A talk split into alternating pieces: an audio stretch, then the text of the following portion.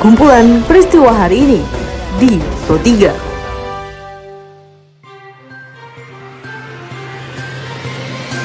Halo pendengar, saat ini Anda sedang mendengarkan kumpulan peristiwa Pro 3. Pada podcast kali ini saya akan mengulas terkait isu-isu aktual yang saat ini masih hangat atau ramai diperbincangkan sekitar kita. Tentu saja nanti akan saya hadirkan cuplikan informasi dari reporter kami. Bersama saya Karisma Rizky, inilah kumpulan peristiwa Pro 3 di ruang dengar podcast Anda. Pendengar, sebelum saya masuk ke dalam beberapa isu aktual yang akan saya hadirkan sesaat lagi, saya akan mengundang Anda untuk mampir ke laman berita kami di rri.co.id. Juga Anda bisa memfollow sosial media kami di Instagram, Twitter, juga Facebook dengan mengetik at RRI Programa 3 di kolom pencarian Anda. Dan inilah kumpulan peristiwa Pro 3. Informasi pertama pendengar, berdasarkan laporan dari reporter Sabir Amalia, bahwa seorang perawat RSPI Sulianti Saroso, Nurdiansah mengatakan tenaga medis yang menangani COVID-19 mendapatkan stigma negatif oleh masyarakat. Mereka dikhawatirkan dapat membawa virus COVID-19 tersebut ke lingkungan tempat tinggal mereka. Bukan yang kita alami adalah teman-teman kita banyak sekali yang mengalami uh, stigma yang negatif ada teman-teman saya yang diusir dari kontrakan. Terus ada teman-teman saya yang uh, dia anaknya uh, diasingkan dengan anak tetangganya. Jadinya kalau anaknya main ke anaknya tetangga diambil anaknya tetangga itu oleh orang tuanya kita ketika dekat. Nurdiansyah juga mengatakan Fakta-fakta tersebut memprihatinkan, ditambah lagi tenaga medis yang ikut tertular dari COVID-19 bahkan hingga meninggal dunia. Namun terlepas dari itu pendengar, Nurdiansah turut mengapresiasi pemerintah yang saat ini telah banyak memfasilitasi tenaga medis seperti tempat tinggal, Sementara itu pendengar terkait dengan perkembangan COVID-19 di Indonesia, juru bicara penanganan COVID-19 Ahmad Yuryanto menyebut terdapat penambahan sebanyak 327 kasus sehingga total akumulasi kasus terkonfirmasi COVID-19 pada Minggu 19 April 2020 mencapai 6.575 kasus.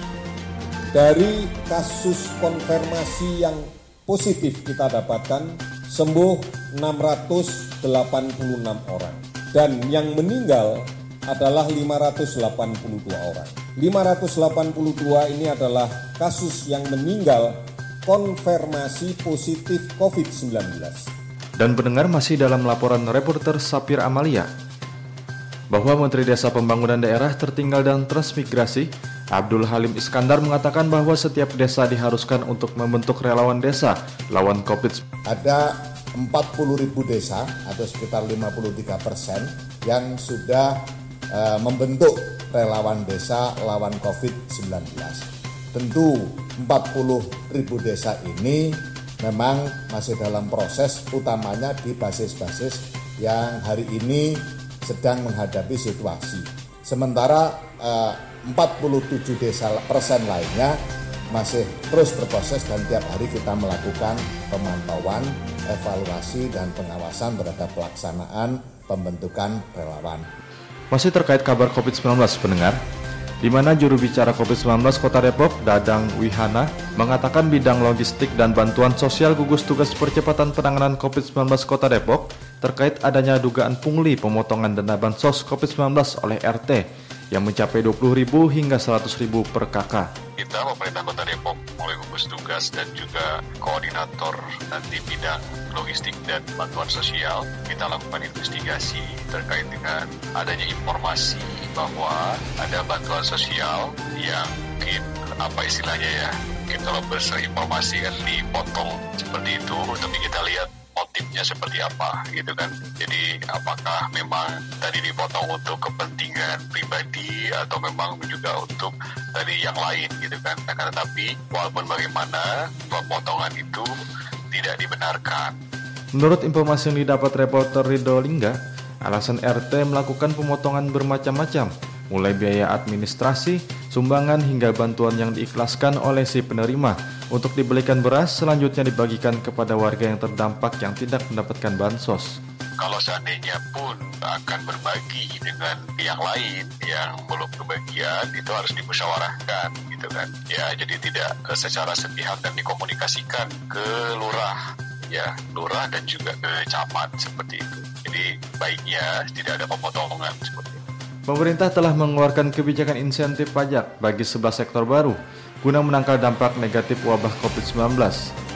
Sebagaimana reporter ini Khairani yang melaporkan, bahwa Menteri Keuangan Sri Mulyani menyebut insentif yang akan diberikan nantinya berupa pembebasan pajak penghasilan untuk mendapatkan fasilitas PPh pasal 21 yaitu penghasilan sampai dengan maksimum 200 juta ditanggung pemerintah PPh-nya, kemudian pembebasan PPh 22 impor, pengurangan PPh 25 30 persen kepada nanti ini 19 sektor sekarang akan dinaikkan kepada seluruh sektor ekonomi lebih dari 100 kelompok kategori bisnis atau industri. PPN juga akan dilakukan percepatan dan untuk yang non fiskal seperti tadi saya sampaikan berbagai fasilitas untuk uh, keluar masuk masuknya barang secara lebih mudah. Pihak sekolah dan orang tua murid dihimbau untuk mulai menjalin komunikasi yang baik, terlebih di saat penerapan belajar dari rumah. Dengan adanya komunikasi yang baik antara orang tua dan guru serta sekolah, maka diharapkan proses belajar online dapat lebih berkembang sehingga anak-anak tidak mudah bosan.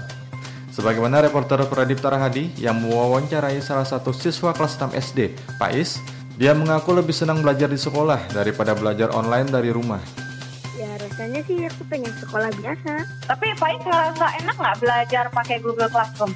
Uh, enak-enak aja sih. Hmm. Tapi kalau disuruh pilih uh, belajar dengan Google Classroom atau belajar langsung di sekolah, Faiz pilih mana? Belajar langsung di sekolah. Lebih enak ya? Iya. Kangen sama teman-teman dong? Iya. Mengomentari hal tersebut, Psikolog anak Elizabeth Santosa mengatakan sudah waktunya pihak sekolah dan para orang tua murid dihimbau untuk mulai menjalin komunikasi Apalagi di saat penerapan belajar dari rumah. Kita harus sama-sama, sama-sama bekerja sama dengan sekolah, memberikan ide, Bapak, Ibu Guru, boleh nggak idenya kayak gini? Bukan marah, bukan mengkritisi, tapi memberikan masukan yang konstruktif. Karena tanpa mereka, kita juga nggak bisa. Jadi harus kali ini hubungan orang tua sama guru, sama pihak sekolah harus lebih bagus lagi dibanding sebelumnya. Seperti yang kita ketahui pendengar, bulan Ramadan 1441 Hijriah tinggal menghitung hari. Umat Islam di Indonesia biasanya melakukan ziarah kubur menjelang datangnya bulan suci Ramadan. Namun di tengah pandemi COVID-19 ini pendengar, sebagaimana reporter ini Khairani menyampaikan dalam laporannya bahwa Wakil Menteri Agama Jainu Tauhid Saadi meminta masyarakat untuk mengurungkan niat berziarah kubur demi menghambat terjadinya penularan. Namun di tengah-tengah situasi pandemi COVID-19 seperti sekarang ini, sebaiknya niat yang baik itu kita urungkan. Karena apa? Kita takut terjadi penularan.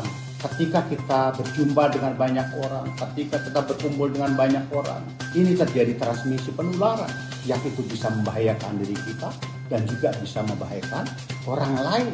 Allah berfirman, "Wala tulku yaidukum ila Janganlah kita menjatuhkan diri kita ke dalam suatu hal yang membahayakan diri kita. Kita cukup berdoa dari rumah, kita doakan orang tua kita, saudara kita. Insya Allah dengan doa-doa kita dari rumah yang kita panjatkan diterima oleh Allah dan nilai pahalanya juga tidak berkurang dibandingkan kita laksanakan ziarah ke tubuhnya. Pendengar informasi tadi sekaligus mengakhiri perjumpaan kita pada podcast edisi hari ini. Anda masih bisa mendengarkan podcast edisi hari lainnya di Spotify dengan hanya mengetik Pro 3 RRI di kolom pencarian Anda. Dan pendengar tetaplah menjaga jarak dan tetaplah berada di rumah. Saya Karisma Rizky undur diri, sampai jumpa. Sejalanan ibu kota DKI Jakarta masih Kumpulan peristiwa hari ini di Pro 3.